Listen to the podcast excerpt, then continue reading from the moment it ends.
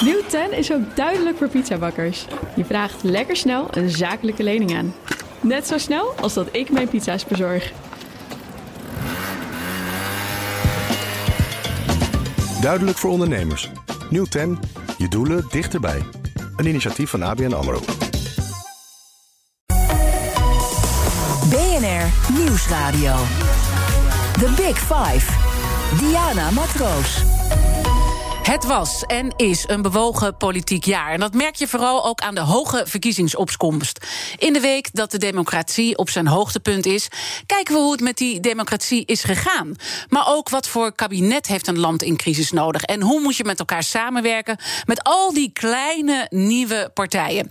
In BNR's Big Five van de Kamervoorzitters daarom deze week dan ook vijf mensen die over partijen heen kunnen kijken en gepokt en gemazeld zijn in de politiek. En dat is mijn gast van vandaag zeker. VVD-prominent Frans Wijsglas. Van 1982 tot 2006 zat hij in de Tweede Kamer. De laatste vier jaar als Kamervoorzitter. In zijn woorden de mooiste baan van de wereld.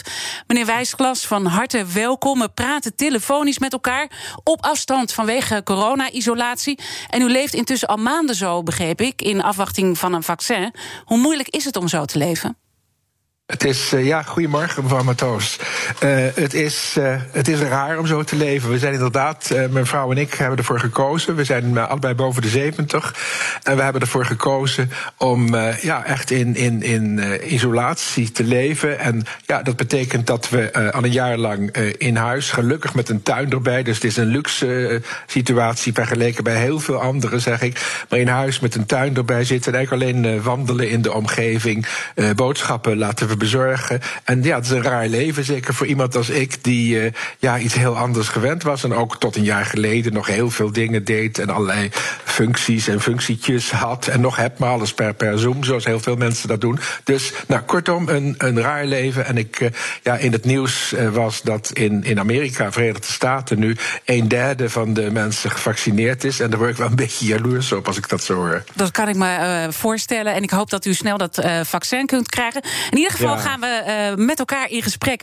Een heel uur over de politiek. Want dat is natuurlijk echt waardoor u uh, gedreven altijd bent geweest in het leven. En nog steeds. Bent u dan de hele dag de kranten aan het uitspitten? Alle televisieprogramma's aan het kijken? Uh, in verkiezingstijd, door de omstandigheden waar we het zo, even over hadden, nog eens extra, omdat ik er veel tijd voor heb, omdat we hier zo zitten. Uh, maar in verkiezingstijd, de afgelopen maanden, uh, zeer zeker. Ja, daar heb ik echt heel veel gevolgd. Ja, en ja. dan was het dan nog heel erg spannend en heel verrassend wat er uitkwam? De uitkomst was zeker was spannend en, en de uitkomst was, was verrassend. Uh, met name, ja, ik zeg toch maar meteen die ene partij uh, die er opeens uitsprong, D66. Uh, niet mijn partij, zoals u weet, ik ben lid van de VVD. Maar die ene partij, D66, die er opeens uitsprong. Het, het, leek er even zelfs op bij, die, bij de eerste Ipsos-peiling dat ze 27 zetels hadden. Dat zijn er nu 23. Ja, dat, is, dat was toch niet verwacht van tevoren. En dat zien we ook aan alle buitenlandse media. Hè? Die schrijven vooral ook over haar, eh, met name de Duitse en de Franse media. Ja. Hoe verklaart u haar enorme opkomst? Van, uh, ja, van mevrouw Kaag, ja. Ja, van mevrouw Kaag. Uh, ja, nee, dat snap ik. Ja, ik, een beetje, ik ben geen, geen, nee, ik ben geen leek, maar ik, kan het, ben ook niet een uh, superdeskundige om dat soort dingen te verklaren. Maar op mijn gevoel zeg ik, er zat ergens een draai in haar campagne. In het begin uh, vond, vond ik, en niet alleen ik, dat het bij haar moeizaam ging. En je zag dat ze als het ware helemaal gekneed werd door alle, alle communicatieadviseurs en spindokters en hoe dat allemaal heet tegenwoordig om haar heen. En je had het gevoel dat ze zich die laatste twee, drie weken daar los van maakte. En, en ja, zichzelf werd. En dat, dat, ja, zo kwam het over. Het werd steeds natuurlijker. En dat sloeg aan. En ze heeft een paar goede momenten gehad in die grote debatten. Dus dat zal ook hebben meegewerkt. Dus ja, dat zal het, zal het denk ik uh, voor een deel zijn geweest. Ze is natuurlijk ook iemand die heeft gezegd: er is nieuw leiderschap nodig. Ze ja. heeft ook gezegd: ik wil de premier worden. Hoe gaat het ja. voor Mark Rutte zijn om haar naast zich te krijgen? Ook iemand die uh, in het buitenland uh, zeer gewaardeerd wordt, natuurlijk. Ja, nou, ik heb me eh, heel kort hoor, eh, eh, wel een beetje geërgerd al die weken. Dat iedere keer, ook in alle advertenties, nieuw leiderschap, nieuw leiderschap. ja, mevrouw Kaag die heeft vier jaar lang zij aan zij gewerkt met Mark Rutte. En ja, het is alsof uw collega, een collega-presentator van u opeens overal gaat roepen. er moet een, een, een, een, nieuwe vorm van presenteren komen, zonder dat hij dat met u zelf heeft besproken. Dus dat, dat vond ik niet zo prettig. Maar uh, Rutte is veel vriendelijker dan ik hoor. Dus uh, die, kan het, uh, die kan het denk ik niet veel schelen. Die moet er een beetje om nou lachen. Ja, het is, het is natuurlijk wel een sterke persoonlijkheid die hij naast zich krijgt. Iemand die dus wel ook echt op die voorgrond wil. Die dus ook in het buitenland enorm gewaardeerd wordt. Ja. Wat Rutte natuurlijk ook heeft. Dus dat is denk ik ook wel voor hem echt anders. Ja, maar zijn persoonlijkheid is, ik zei vriendelijker dan ik. Dat, ik weet niet of dat zo is, maar hij, hij, zijn persoonlijkheid is dat hij heel goed kan samenwerken met, met, met anderen. Dat is ja, nu in drie kabinetten gebleken de afgelopen tien maar jaar. Hij wil wel echt de baas zijn, hè? Ja, maar ik denk eerlijk gezegd, als ik een beetje gemeen mag zijn als puntje bij paaltje komt, is, is Mark Rutte wel de baas over Sigrid Kaag. Ja, eh, leg eens uit waarom. Nou, omdat hij natuurlijk niet, niet in de zin van, van, van een, een, een werkgever-werknemer verhouding, natuurlijk mhm. niet. Maar ik bedoel, ja, hij heeft tien jaar enorme ervaring. En zij zit pas vier jaar in de Nederlandse politiek. En nogmaals, heeft het hartstikke goed gedaan. En daar heb ik eh, bewondering voor. Maar ze zit er pas vier jaar in. Hij heeft tien jaar nationale en internationale ervaring als politicus. En ja, daarin is hij haar de baas. Dat is wat ik bedoel. Nou hebben buitenlandse media over Mark Rutte geschreven. Bijvoorbeeld The Guardian, Teflon Mark lijkt ongedeerd uit anti-lockdown-protesten en toeslagenaffaire te zijn gekomen. Hoe verklaart u dat dat uh, is gelukt? Want die toeslagenaffaire met name was natuurlijk zo heftig, uitgebreid uh, besproken. En hij komt daar toch mee weg. Ja, Als je kijkt naar dat heeft me eerlijk gezegd ook wel verbaasd. En uh, het, het, is een feit. Ik had gedacht dat dat, dat, dat nadeliger zou zijn. Ook voor, voor Hoekstra, eerlijk gezegd, die daar, daar ook bij betrokken was. Maar even naar Mark Ik had gedacht dat hem dat meer zou achtervolgen. Uh, en het, het, het, is niet dat hij het vermeden heeft. Want in de vele interviews en ook debatten met collega-lijsttrekkers. Uh, kwam het gewoon heel weinig naar voren. En misschien is het ook wel zo, en dat is best naar om te zeggen, vind ik zelf ook. Maar misschien is het zo dat dat die toeslagenaffaire raakt een, een grote groep mensen die ja, verschrikkelijk eh, daardoor gedupeerd zijn. We weten het allemaal. Maar tegelijkertijd is er die ook verschrikkelijke coronapandemie uh, in de wereld en in Nederland. En zijn mensen daar zo mee bezig, uh, kiezers, mensen daar zo mee bezig, dat ja, er weinig ruimte is in hun hoofd voor andere dingen. Dat is een beetje mijn verklaring. En wat voor effect gaat dat dan hebben? Want straks dan, uh, nou ja, gaan we hopelijk allemaal, hè, ook uh, door dat vaccin gaan we meer open, krijgen we allemaal een beetje ons leven terug en uh, komen mensen ook weer in een nieuwe realiteit terecht. Ja. En, en het effect op wat bedoelt u? Ik, ben, nou, ik begreep het niet eh, helemaal. Nee, nee, sorry, ja. excuus. Uh, dat, nee, dat, niet, dat, ligt aan, uh, dat ligt aan mij. Um, nee, u, nee, nee. u zegt van, u bent ook wel verbaasd dat hij nou ja, daar niet meer last van heeft gehad. Van ja. die toeslagenaffaire. Omdat we allemaal heel erg met corona bezig zijn. Ja. Maar straks komen we weer in een nieuwe realiteit. En dan gaat die corona-deken ook een beetje van alles af. Hè. Dat heeft ah, natuurlijk de oppositie ook een aantal keer aangegeven. Die coronadeken maakt eigenlijk eigenlijk dat wij ook een moeilijke oppositie kunnen voeren. De mm kiezer wordt dan ook wel weer wakker in een andere wereld. Ja, en op de wat betreft de toeslagenaffaire en meer breed de verhouding tussen uh, overheid en, en, en mensen in het land, uh, zal dat betekenen dat daar weer meer aandacht, ook meer kritische aandacht voor komt, breder. En ja, een grote opdracht voor het komende kabinet, hoe het ook is samengesteld, daar hebben we het denk ik nog wel over. Ja. Maar een grote opdracht voor het komende kabinet is om ja, datgene wat in die toeslagenaffaire is gebeurd, en dat, dat is, is gebeurd breder in de overheid en vooral in de uitvoeringsorganisaties van de overheid. Ja, om er ja, kei en keihard voor te zorgen dat dat niet meer gebeurt. En dat is nog een hele opgave, want het zit heel diep in het systeem. Daar gaan we straks zeker over praten en ook over de formatie. Maar toch nog even uh, twee belangrijke punten als we naar de uh, uitslagen kijken. We zien ook echt een stem voor rechts, ook met een grote ja. winst uh, van Forum. Had u dat verwacht? Nee, had ik niet zo verwacht na alles wat er gebeurd is. En ik ben er. Uh, ja, hoe zou ik het zeggen? Ik ben er gewoon hartstikke bedroefd over. Ik heb er een, een, een, een naar gevoel over. Uh, omdat uh, we gezien hebben dat wat er gebeurd is in de omgeving van Baudet. Mensen in zijn jongere organisatie, nou iedereen kent het verhaal langzamerhand, die gewoon vreselijke rotuitspraken hebben gedaan. Racistisch, uh, homofoob, antisemitisch. En we hebben ook in Elsevier met afdrukken van apps gezien dat hij ook zelf dat soort uitspraken heeft gedaan. En we weten wat hij op dat diner, ik was er niet bij, maar er waren heel veel ooggetuigen, die diner, de beroemde avond, ook zelf heeft gezegd op dat gebied. Antisemitisme, racisme. En dat er dan nog acht zetels uitkomen. Ja, je mag de kiezer nooit iets verwijten, dat weet ik wel. Maar ik ben wel teleurgesteld. Acht zetels is, is grof gezegd 400.000 kiezers, als ik, als ik snel reken. En ja, dat er toch 400.000 mensen in Nederland dat kennelijk niet genoeg kan schelen en toch op hem stemmen. Ja, dat geeft mij een rotgevoel. Ja, waar komt dat dan vandaan? Behalve dat het ja, u rot gevoel geeft? Omdat het geheugen, ja, ik, ik, ook daar zeg ik, eh, ja. dat, is, dat is voer voor psychologen. En dat ben ik niet. Maar uh, uh, het, oh, oh, oh, hoe het komt dat het mij een rotgevoel geeft? Of dat de nee, mensen op nee, hem stemmen, dat? Waar komen deze kiezers vandaan? Ik bedoel, Oh, kunnen ja. het misschien toch... kijk, hij heeft natuurlijk gezegd, ik wil die lockdown eraf. Hè? Ja. en, en maak mij groot, dan ga ik daarvoor voor zorgen. Ja. U verwijst net naar de hele coronasituatie. Is, is dat dan toch ook een belangrijke knop geweest? Zeker. Ja, ik denk het wel. Ik denk het wel. Hij heeft natuurlijk ook met, met, met uh, de nummer twee, de uit de VVD geknikkerde Wieben van Haga, uh, heeft hij ja, op één punt campagne gevoerd. En dat is precies wat u zegt. dat de lockdown en alle maatregelen weg moeten en het allemaal maar onzin is. En heeft daar heel veel, veel fabeltjes en, en, en leugentjes, leugens over verteld.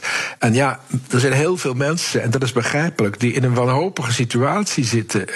in het bedrijfsleven. Uh, elders uh, die failliet gaan. Nou, we weten het allemaal. En ik kan me voorstellen, ik zeg niet dat die mensen op hem Nee. gestemd hebben, maar dat dat wel een gevoel is en dat dat hem heeft geholpen. The Big Five. Diana Matroos. Deze week spreek ik met vijf huidige of voormalige Kamervoorzitters. Eerder deze week waren Gerdy Verbeet, Anoushka van Miltenburg, Jan-Anthony Bruin en Ankie Broekers-Knol bij mij te gast. Al deze gesprekken zijn terug te luisteren in onze BNR-app. Mijn gast vandaag is Frans Wijsklas. Hij is de voormalig voorzitter van de Tweede Kamer. Eén belangrijk punt uh, wat we nog niet hebben benoemd, en dan gaan we echt uh, naar uh, de formatie, is natuurlijk die enorme klap voor links. Zeker Ja. als we het vergelijken met uw tijd nog in Ja. de politiek. Uh, ja, dat traditionele blok van PvdA GroenLinks. uh, dat had het dubbele aantal zetels dan dat ze nu hebben. Ja. Ja, nou toen ik begon in 1982 had je nog, nog uh, GroenLinks nog niet. Dat waren twee, drie hele kleine partijtjes. PPR, PSP en de, de EVP en de CPN. Vier kleine partijtjes. Uh, en uh, dus de Partij van de Arbeid was ja, de linkse partij. En die hadden de, rond de 50 zetels. Dat is natuurlijk ongelooflijk als je naar nu kijkt. En hetzelfde geldt overigens voor het CDA, maar daar hebben we het nu niet over. Maar die hadden ook, ook 50 zetels. En ja, je ziet die, afbrokkeling. En ik was wel verbaasd uh, woensdagavond uh, bij de verkiezingsuitslag dat het zo slecht was. En ik had met name gedacht dat de Partij van de Arbeid meer zou opkrabbelen. Die hebben natuurlijk intern wel grote problemen gehad met de nieuwe lijsttrekker, mevrouw Ploemen, die het heel goed deed, vond ik. in, in, in een paar weken tijd moesten ze daarin komen. Maar ja, het is, het is wel vrij verbijsterend is een groot woord, maar ik vind het wel een beetje verbijsterend dat dat 25 zetels voor de drie partijen, als je Partij voor de Dieren daarbij optelt, 30 zetels, maar dat is het zo'n beetje. En dan moeten we nu uh, naar een formatie uiteindelijk uh, Ja. toe gaan. Uh, VVD, D66, CDA, PvdA valt eigenlijk het, het meest. Bent u het daarmee eens? Vindt u dat een goede coalitie? Even kijken hoor, wat u, ik ga het voor de zekerheid herhalen. VVD, D66, CDA, PvdA, zegt Ja, u hè? klopt. Ja, dat, dat is, uh, ja, dat is, is de, de coalitie die ik zou willen. Ja, wie ben ik? Maar ik, ik zou dat willen. Uh, En uh, VVD, D66, dat is logisch uh, gezien de verkiezingsuitslag. Dat zie je nu ook. De eerste stap is gisteren gezet met twee informateurs uit die, sorry, mm -hmm. twee verkenners, zoals het heet, ja. uit, uit die partijen. en CDA is toch wel logisch, ook, ook politiek inhoudelijk, om de VVD wat meer te, te stutten, als ze dat al nodig hebben. Maar om een meerderheid te bereiken heb je dat nodig natuurlijk. Um, en ja, mijn keuze zou zijn de Partij van de Arbeid om er ook, ook een wat groter links-rechts evenwicht in te brengen. En nou noemde u ooit uh, Rutte het jongere broertje van Wouter Bos. Uh, toen de voorman van de Partij van de Arbeid. Ja. U vond ja. Mark te links als leider van de VVD. ja, dit, dit is dan echt naar links opschuiven natuurlijk. dit, dit, blijft me achtervolgen. Dat heb ik ja. in 2006, toen Rutte begon als kandidaat uh, lijsttrekker, heb ik dat inderdaad gezegd, 14 jaar geleden. En ik heb ook uh, vaak daarna in het openbaar gezegd van, nou, ja, ik weet niet of hij nou rechtser is geworden of ik linkser, maar ik heb daar, daar geen last meer van. En ik vind hem, ja, een goede, een hele goede politicus, juist ook voor de VVD. Maar ik heb het ooit gezegd. Ja, ik vind het, het, het ja, die, die coalitie waar we het nu over hebben, het, uh, VVD, CDA, D66, Partij van de Arbeid, ja, vind ik een een, een, ik zei het al, een, een wel een evenwichtige samenstelling. Eh, wat, wat meer naar mhm. links met de Partij van de Arbeid natuurlijk. En ja, het spreekt mij aan, maar ja, misschien ben ik, ben ik wat ouderwets. Ja. Maar het spreekt mij aan dat daarmee ook vier gevestigde partijen in de, in de uh, ja. kabinet Maar je zou komen. ook kunnen zeggen, als je een beetje een maatje voor D66 zoekt, die eigenlijk zegt het belangrijkste punt voor ons is het klimaat, dan kom je ja. toch echt bij GroenLinks uit. Ja, maar die hebben maar, laat ik niet, ja, u vraagt het, dus ik geef antwoord, ja. laat ik niet heel erg gaan zitten formeren nu. Maar GroenLinks heeft wel enorm verloren. De Partij van de Arbeid is stabiel gebleven. Dat vind ik ook wel een, een overweging. Als je nou naar die linkse partijen kijkt, ja, dan is het toch logisch dat je die partij neemt die, ja, het is een wat, wat, wat, wat zuur optimisme, maar die dan tenminste nog gelijk is gebleven. Nou heeft de Kamervoorzitter een coördinerende rol uh, ja. bij de formatie. En dat is ook mooi ja. om met u te bespreken. Omdat u ook zo een ja. aantal jaar Kamervoorzitter. Trouwens wel een, een, een andere situatie uh, toen. Maar hoe belangrijk is die uh, rol? Hoe invloedrijk is die rol?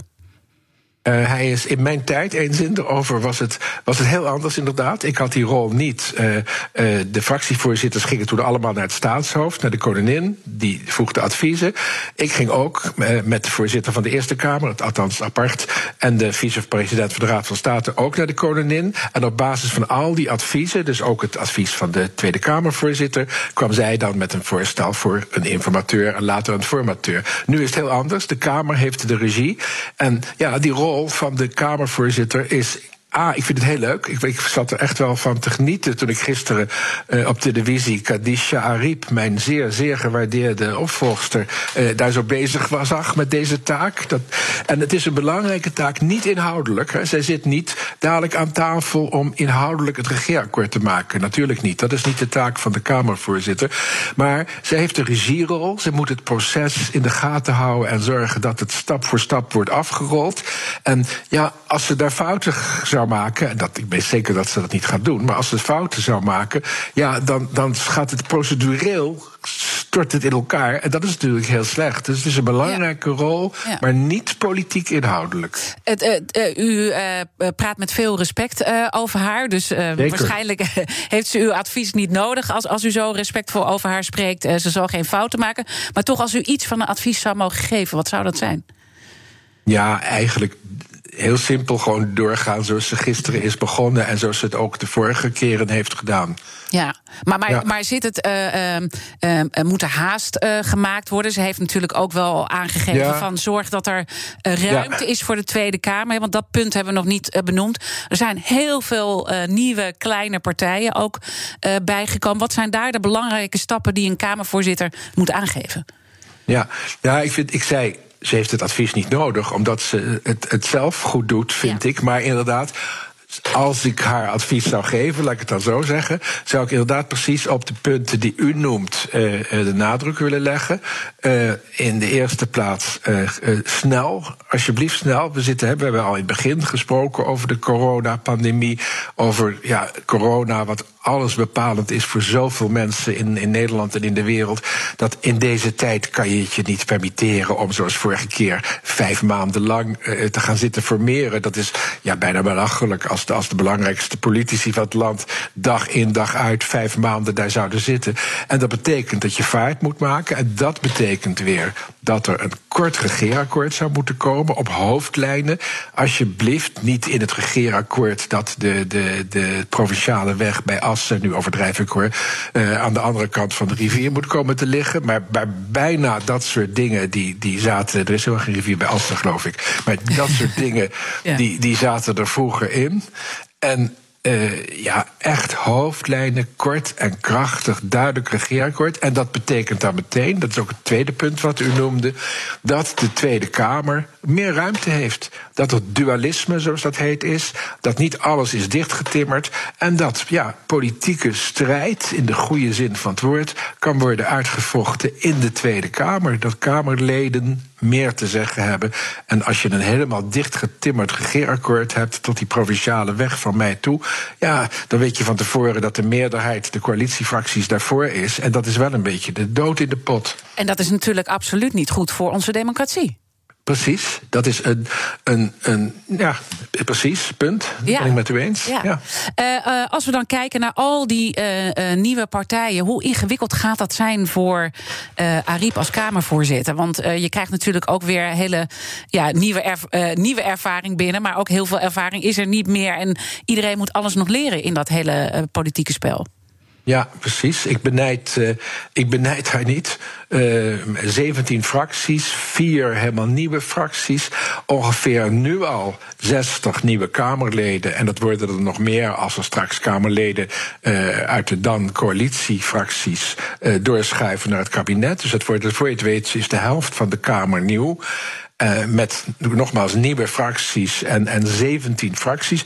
Ik benijd haar niet. Ik zeg ook even tussendoor dat ik ongelooflijk hoop dat uh, de Kamer haar weer zal verkiezen als Kamervoorzitter.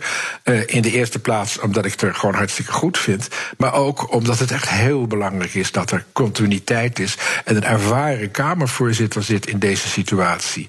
En nou is er veel kritiek geweest hè? In, in de, nou ja, een aantal weken terug. Een uh, verhaal van RTL Nieuws uh, ja. wat naar buiten is gekomen. Dus ja, is haar positie dan wel zo zeker, vraag ik me af.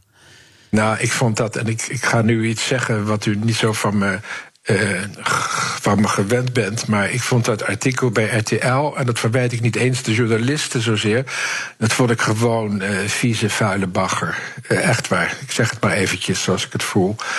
dat was op basis van, van een tiental zei hij, Stefan Kolen heeft het geschreven, uh, op basis van een tiental anonieme bronnen, ook Kamerleden, die, die allerlei onaardige dingen, ik ga ze echt niet herhalen, over haar zeiden. En ik ken haar goed en, en herkende haar ook helemaal niet erin. Er werden een aantal situaties in omschreven, bijvoorbeeld, de, de, het gaat te ver om daar ja. niet helemaal op in te gaan, ja. maar de verhouding tussen de Tweede Kamer en de Raad van State, waar zij steken zou hebben laten vallen, nou, dat klopte gewoon niet. Ik bedoel, dat weet ik nog uit mijn tijd. Het was hm. gewoon onzin wat er stond. Okay. Dus ik vond dat een waardeloos artikel. En ik denk niet dat het invloed zal hebben. Mijn gast in BNR's Big Five van de Kamervoorzitters is Frans Wijsglas. Straks gaan we terug naar 2002, uh, de LPF. Uh, misschien uh, iedereen weet het nog. Wat kunnen we daarvan leren en hoe kunnen we het vertrouwen in onze democratie weer herstellen? BNR Nieuwsradio. The Big Five. Diana Matroos. Welkom bij het tweede half uur van BNR's Big Five. Fijn dat je weer luistert. Deze week praat ik met vijf huidige en voormalige Kamervoorzitters over onze democratie. Mijn gast is Frans Wijsglas, voormalig voorzitter van de Tweede Kamer. Maar u zegt over uzelf: ik ben een gepensioneerd iemand die zijn mening geeft over de politiek vooral. Bevalt die rol? Ja, ik moest er. Ik ben 14 jaar. Uh, goedemorgen weer. Uh, ik uh, ben 14 jaar nu weg uit de politiek. Het lijkt veel, veel, korter, maar het is echt 14 jaar geleden alweer. In het begin moest ik er, maar dat gaat denk ik voor iedereen die, die stopt met een hele mooie, intensieve baan, moest ik er echt wel even aan wennen. En ja, nu bevalt die, die rol en de manier van leven bevalt heel goed. En ik heb in de tussentijd, in die 14 jaar, heel veel andere dingen gedaan die ook, ook heel, soms heel weinig met politiek te maken hadden of weinig direct met politiek te maken hadden. Allerlei besturen en raden van toezicht en lezingen gegeven, nou, noem maar op. Dus ik heb een heel mooi gevarieerd leven ook daarna gehad. En de rol van nu, ik ben nu 74, dus een echte pensionado, zoals dat heet. Uh, ja, die bevalt me goed. Uh, passief de politiek volgen en af en toe eens je mening geven. En uh, ik ben een van de oud-politici die actief is op Twitter. En dat vind ik zelf ja, ook wel leuk, eerlijk gezegd. Om daar gewoon toch actief te blijven in die politiek ja, als om, om, om, reacties te krijgen soms. Sorry, ik praat er u heen. Nee, nee, nee, dat geeft, dat geeft helemaal niet. Het is ook al wat lastig, want we zitten natuurlijk op afstand van elkaar. Dus dan heb je dat af en toe, dan heb je niet het oogcontact met elkaar. Maar verder gaat het fantastisch om om dit zo op deze manier uh, te doen. Laten we ook even uh, terugkijken op uw Kamervoorzitterschap. Want het, zoals u zegt, het is al even geleden. Maar we hebben natuurlijk BNR's Big Five van de Kamervoorzitters. En toch ook mooi om even op uw tijd terug te kijken. Hoe is dat voor ja. u? Uh, ja, ik, ik, uh, bij de, de introductie, helemaal het begin, om tien uur, uh, zei u dat ik, dat ik vaak heb gezegd: het is de mooiste baan van de wereld. En dat vind ik ook als ik nu naar de Kamer en naar Kadisha Ariep kijk, vind ik dat nog steeds zo. Ik vind het een prachtige functie. Ja, omdat je, ja, je hebt toch de eer, of niet toch, je hebt de eer om gekozen te zijn door 150 volksvertegenwoordigers, of 149, die andere 149. ja, in de functie waar je leiding mag geven aan het hoogste orgaan eh, in onze parlementaire democratie. En ja, ik vind het nog steeds heel eervol dat ik dat 4,5 jaar heb mogen doen. En u bent ook de eerste Kamervoorzitter die in een vrije stemming gekozen is. Ja, inderdaad. Ja. inderdaad waarbij ik, ik moest eraan denken deze dagen. Omdat gisteren, zoals we weten, eh, mevrouw Annemarie Jorritsma tot informateur is benoemd door de Kamervoorzitter, of door de Kamer. Nee, door de Kamervoorzitter. En uh, mevrouw Annemarie Jorritsma was mijn ja, collega, maar ook concurrent in die uh, ja, spannende verkiezing voor het Kamervoorzitterschap, het Kamervoorzitterschap in 2002. Uh, dat was extra spannend, omdat we allebei uit de VVD eh, kwamen en komen. En ja, ik heb het toen van haar gewonnen. En uh, ja, ik was blij. En zij even minder blij, maar het is allemaal weer goed gekomen. Nou ja, zo zie je, iedereen heeft weer op een bepaald moment uh, zijn uh, rol. U werd natuurlijk Kamervoorzitter op een moment dat Lijs Pim Fortuyn met 26 zetels de Kamer inkwam. Ja. Dat was een behoorlijke hectische periode. Wat is u het meest bijgebleven uit die tijd? En kunnen we er ook iets van leren in deze tijd? Nou, het was inderdaad ongelooflijk. U noemt het 26 zetels. Ik denk dat het nog nooit gebeurd is en daarna ook nooit meer gebeurd is. 26 zetels met een nieuwe partij. Uh, uh, waarbij de, de partijleider er niet meer was. Die was, was tien dagen daarvoor vermoord, zoals we allemaal weten. En, en zoals we dat altijd als je het uitspreekt, vind je het weer afschuwelijk. Ja. En uh, dus die, ze kwamen daar verweest, uh, zonder partijleider kwamen ze met z'n 26ste binnen. konden elkaar niet helpen, want er was helemaal geen ervaring. Daar was wel een speciale rol voor mij als, als Kamervoorzitter toen, omdat ik het echt ja, mijn taak vond om die 26 mensen. En, en de Kamervoorzitter werkt altijd los van de inhoud. Het gaat om de om het proces, om de procedures.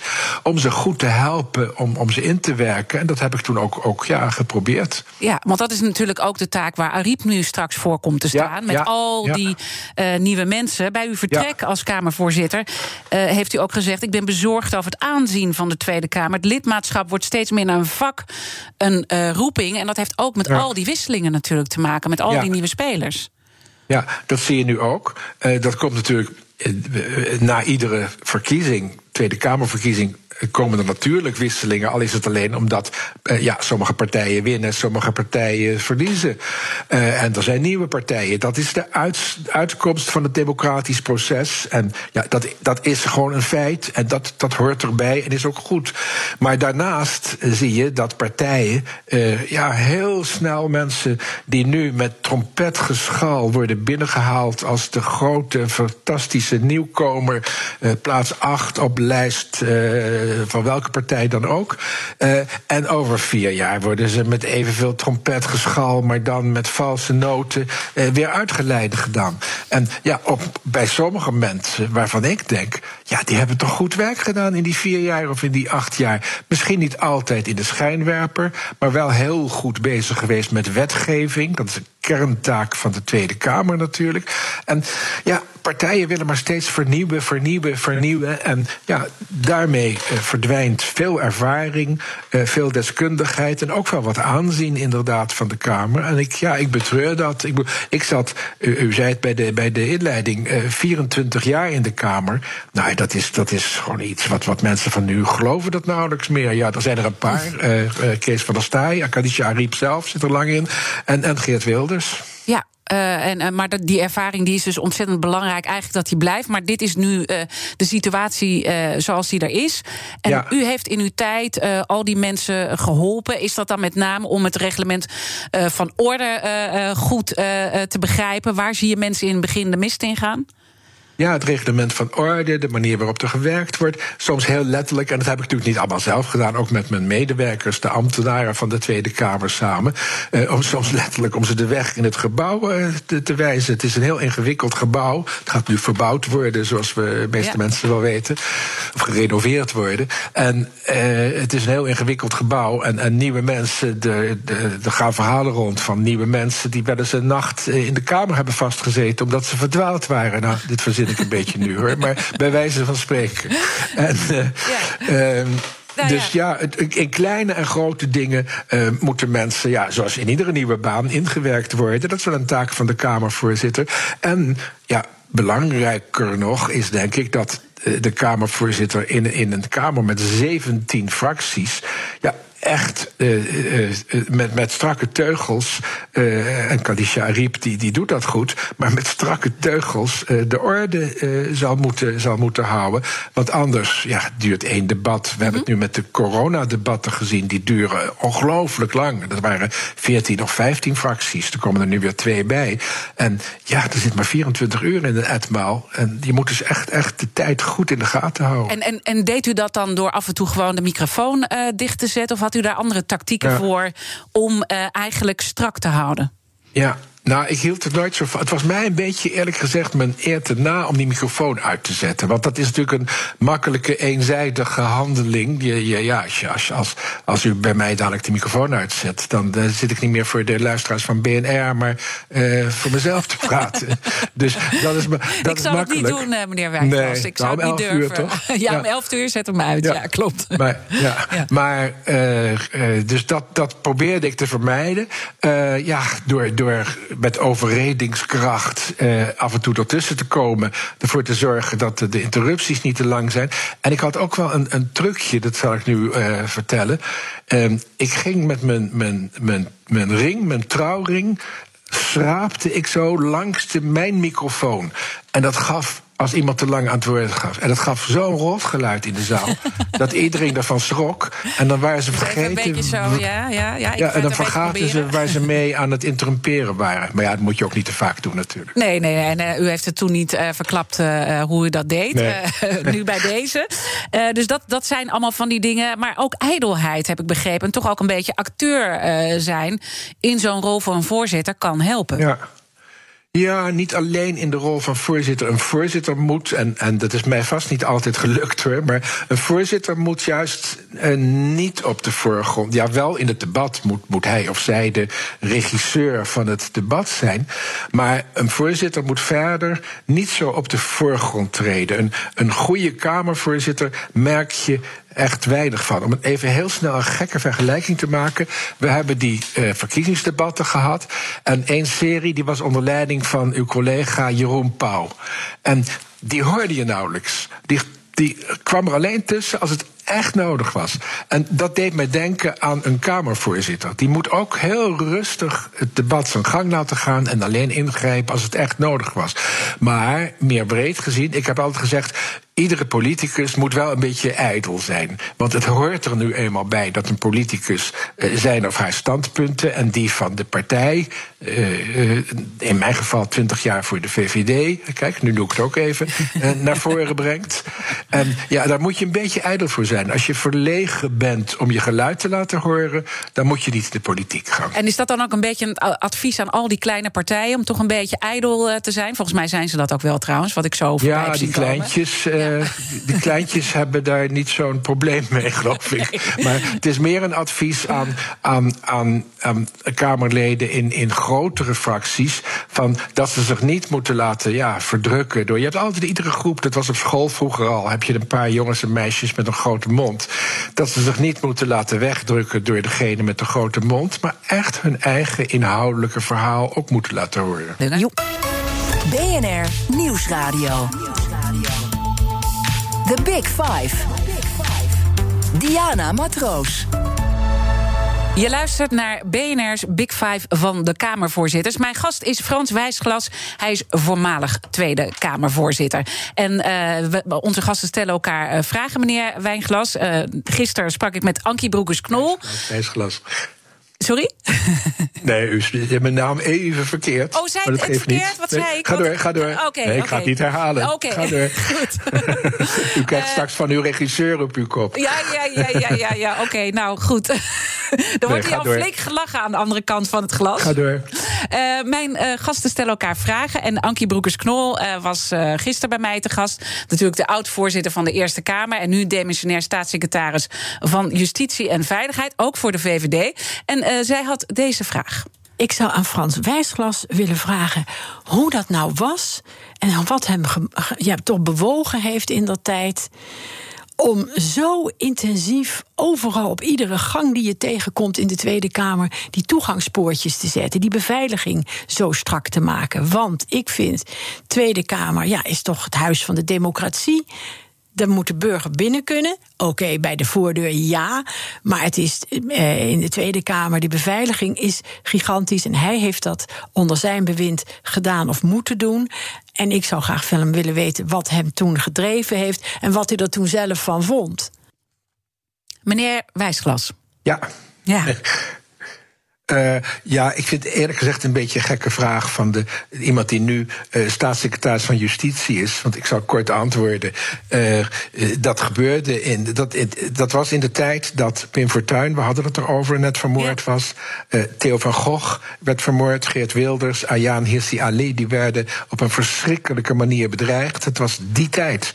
En toen kreeg ik als Kamervoorzitter uh, het advies van de Nationaal Coördinator uh, Terrorisme en Veiligheid. En die valt onder het ministerie van Justitie, waar nu mevrouw Broeker staatssecretaris is, dat het zo moest.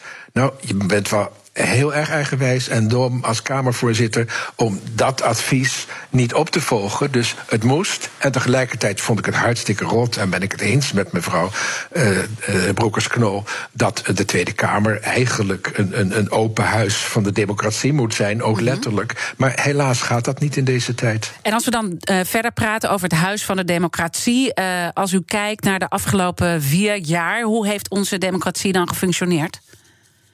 Um, we hebben soms de neiging, even los van die beveiliging nu, ja, hè, ja, daar gaan we niet. Dit nee, gaat echt nee, over uh, ja, oké, okay. nee, ik snap het. Ja, um, we hebben soms misschien, ikzelf ook wel eens hoor, de neiging om te zeggen, altijd te mopperen en dat dingen niet goed gaan. En daar kan je er allerlei voorbeelden bij verzinnen.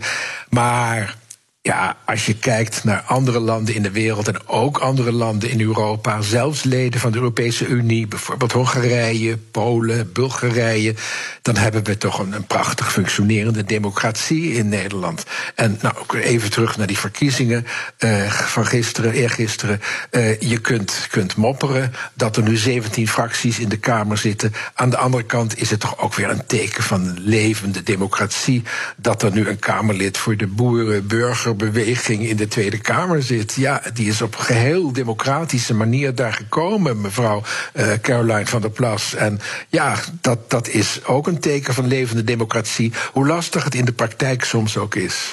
En dan, dus ik vind ja. de afgelopen vier jaar, heel kort, vind ik dat het, dat het goed heeft gefunctioneerd. Uh, en je kan overal altijd dingen op aanmerken. Ja, maar u noemde aan het begin uh, van de uitzending ook natuurlijk hè, die toeslagenaffaire bijvoorbeeld. Ja. Is zo'n punt. Dat, dat, dat is gewoon echt heel fout wat daar is gebeurd. Ja. En dat heeft voor heel veel wantrouwen uh, gezorgd. En u zei ook dat dat moet ja, terugverdiend worden. Dus wat zou uw advies zijn ja. aan de mensen in de Kamer, maar ook het, het nieuwe kabinet? Ook met die hele belangrijke opdracht om, om ons uit de crisis te helpen. Ja, ja het is goed dat u me even, even scherp houdt. Want uh, het antwoord op de vorige vraag gaf ik inderdaad over het functioneren van de democratie. Weet je, of, of echt vanuit de ogen van een oud Kamervoorzitter, dat ik keek hoe heeft de Tweede Kamer zijn werk gedaan. Maar uw toevoeging is zeer terecht. Er zijn natuurlijk grote knelpunten. En met name dit punt, de toeslagenaffaire. En daarna is er nog een rapport gekomen van een commissie onder leiding van het, het, het bijna ex-Kamerlid uh, voor de VVD, André Bosman. Uh, over allerlei uitvoeringsorganisaties. Dus van, van de UWV tot CBR tot noem maar op. En ook in dat rapport staat dat de politiek echt onvoldoende grip heeft op de uitvoeringsorganisaties. En eigenlijk nog erger, dat de groep, dat de politiek allemaal regels maakt. De Tweede Kamer en kabinet maken allemaal regels, wetten. Ja, waar de uitvoering eigenlijk niet meer uit de voeten kan. En dan komt uh, de burger knel te zitten tussen die regels en de uitvoering in de praktijk. En dat is inderdaad een, een hele grote opgave voor de Tweede Kamer, voor het komende kabinet, om daar ja, oplossingen voor te vinden. En dat is wel hartstikke moeilijk, want het is wel heel diep ingesleten dit. Dus, maar dat, het moet gebeuren. Ja. Want uh, uh, ja. dat, anders wordt die onvrede nog veel groter en begrijpelijker. En wat er ook moet gebeuren is natuurlijk uh, ons uit de crisis krijgen als land. We hebben vrij ja. weinig gehoord over het herstelplan. Hè. Daar gingen eigenlijk ja. debatten ja, veel te weinig over. Wat, wat, wat, wat, hoopt u dat er gaat gebeuren? Wat, wat is de, de goede weg om uit de crisis te komen? Nou, ik hoop even qua procedure en dan wat de inhoud betreft, maar heel kort wat de procedure betreft. Rutte heeft gezegd, uh, uh, Mark Rutte heeft gezegd, uh, in de formatie moet er eerst een herstelplan overeengekomen worden, wat brede steun zou moeten kunnen krijgen in de Kamer, ook verder dan de toekomstige coalitiepartijen, dat we weten welke weg we opgaan om Nederland uit deze de crisis te halen. en daar is nogal in de verkiezingscampagne nogal afwijzend op gereageerd, dat snap ik ook wel, dat was verkiezingscampagne. Maar ik hoop echt dat het lukt om dat snel te gaan doen, nog voordat de echte formatie klaar is. En ja, daarin moeten wegen worden gevonden. En ja, we hebben nu niet de tijd en ik ben ook niet de persoon om dat, dat te kunnen zeggen. Mm -hmm. uh, waarin echt, echt uiteen wordt gezet inhoudelijk hoe je op die weg naar herstel komt. En met name om te voorkomen dat je in een echte, langdurige economische crisis terechtkomt. Er is nu natuurlijk zijn er schrijnende problemen voor, voor heel veel mensen. Met, met bedrijven, winkels, horeca met ja, name. Dat is natuurlijk toch ook maar, de, de, de VVD, uh, traditionele VVD-aanhanger. Ja, en dat zijn ja. echt de grote problemen van nu. Dat is nu begrijpelijk. Ik ben echt helaas voorstander van strenge coronamaatregelen, helaas. Mm -hmm. Maar ja, dat herstelplan moet daar overheen kijken en, en ervoor zorgen dat de economie door ook door alle steun die nu gelukkig gegeven wordt, financiële steun, dat de economie niet in een, in een langdurige, langjarige put terechtkomt. En nogmaals, dat is hartstikke moeilijk. En ja, u verwacht niet van mij in een paar minuten nee. te zeggen hoe dat moet. Maar die weg zullen ze, naar mijn bescheiding mening, op moeten gaan. Ik wil u wel nog één ding uh, vragen, want de kettingvraag ja? gaat natuurlijk uh, door uh, van onze gasten. Ja. En u mag een vraag stellen aan mijn volgende gast. In dit geval is dat een nieuwe, of niet mijn volgende gast moet ik zeggen, maar aan de gast van mijn collega Art Royakkers. Want die ja. presenteert volgende week de week de televisie van morgen. En Giel de Winter, oprichter van Stuk TV, is zijn eerste gast. Wat zou u hem willen vragen?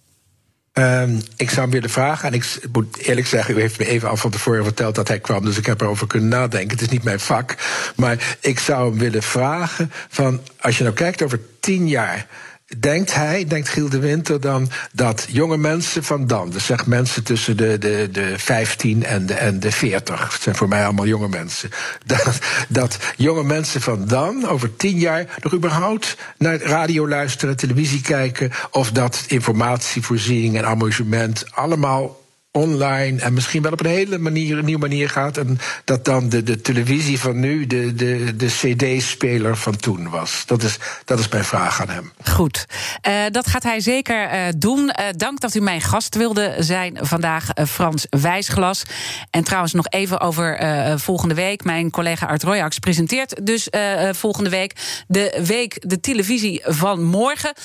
als u nou vragen heeft, dan zijn we, willen we dat heel graag weten via big5.bnr.nl of uh, via LinkedIn. Kijk ook even naar de LinkedIn-post van mijn collega uh, Art.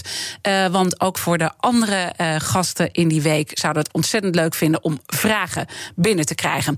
Intussen denkt u, ik wil graag nog even niet wachten tot, tot maandag, maar even allerlei uitzendingen terugluisteren. Dat kan natuurlijk. BNR's Big Five is terug te luisteren. Je vindt de podcast in de BNR-app en op bnr.nl. Maar blijf de hele dag live. Straks Nina van den Dungen met BNR breekt. Ik wens iedereen een heel mooi.